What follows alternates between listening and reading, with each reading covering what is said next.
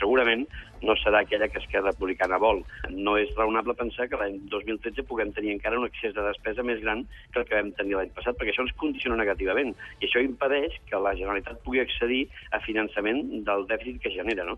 tant, seria un contrasentit i això el conseller Mascolell estic segur que ho té molt clar i ell sap que ha de fer un esforç per reduir el dèficit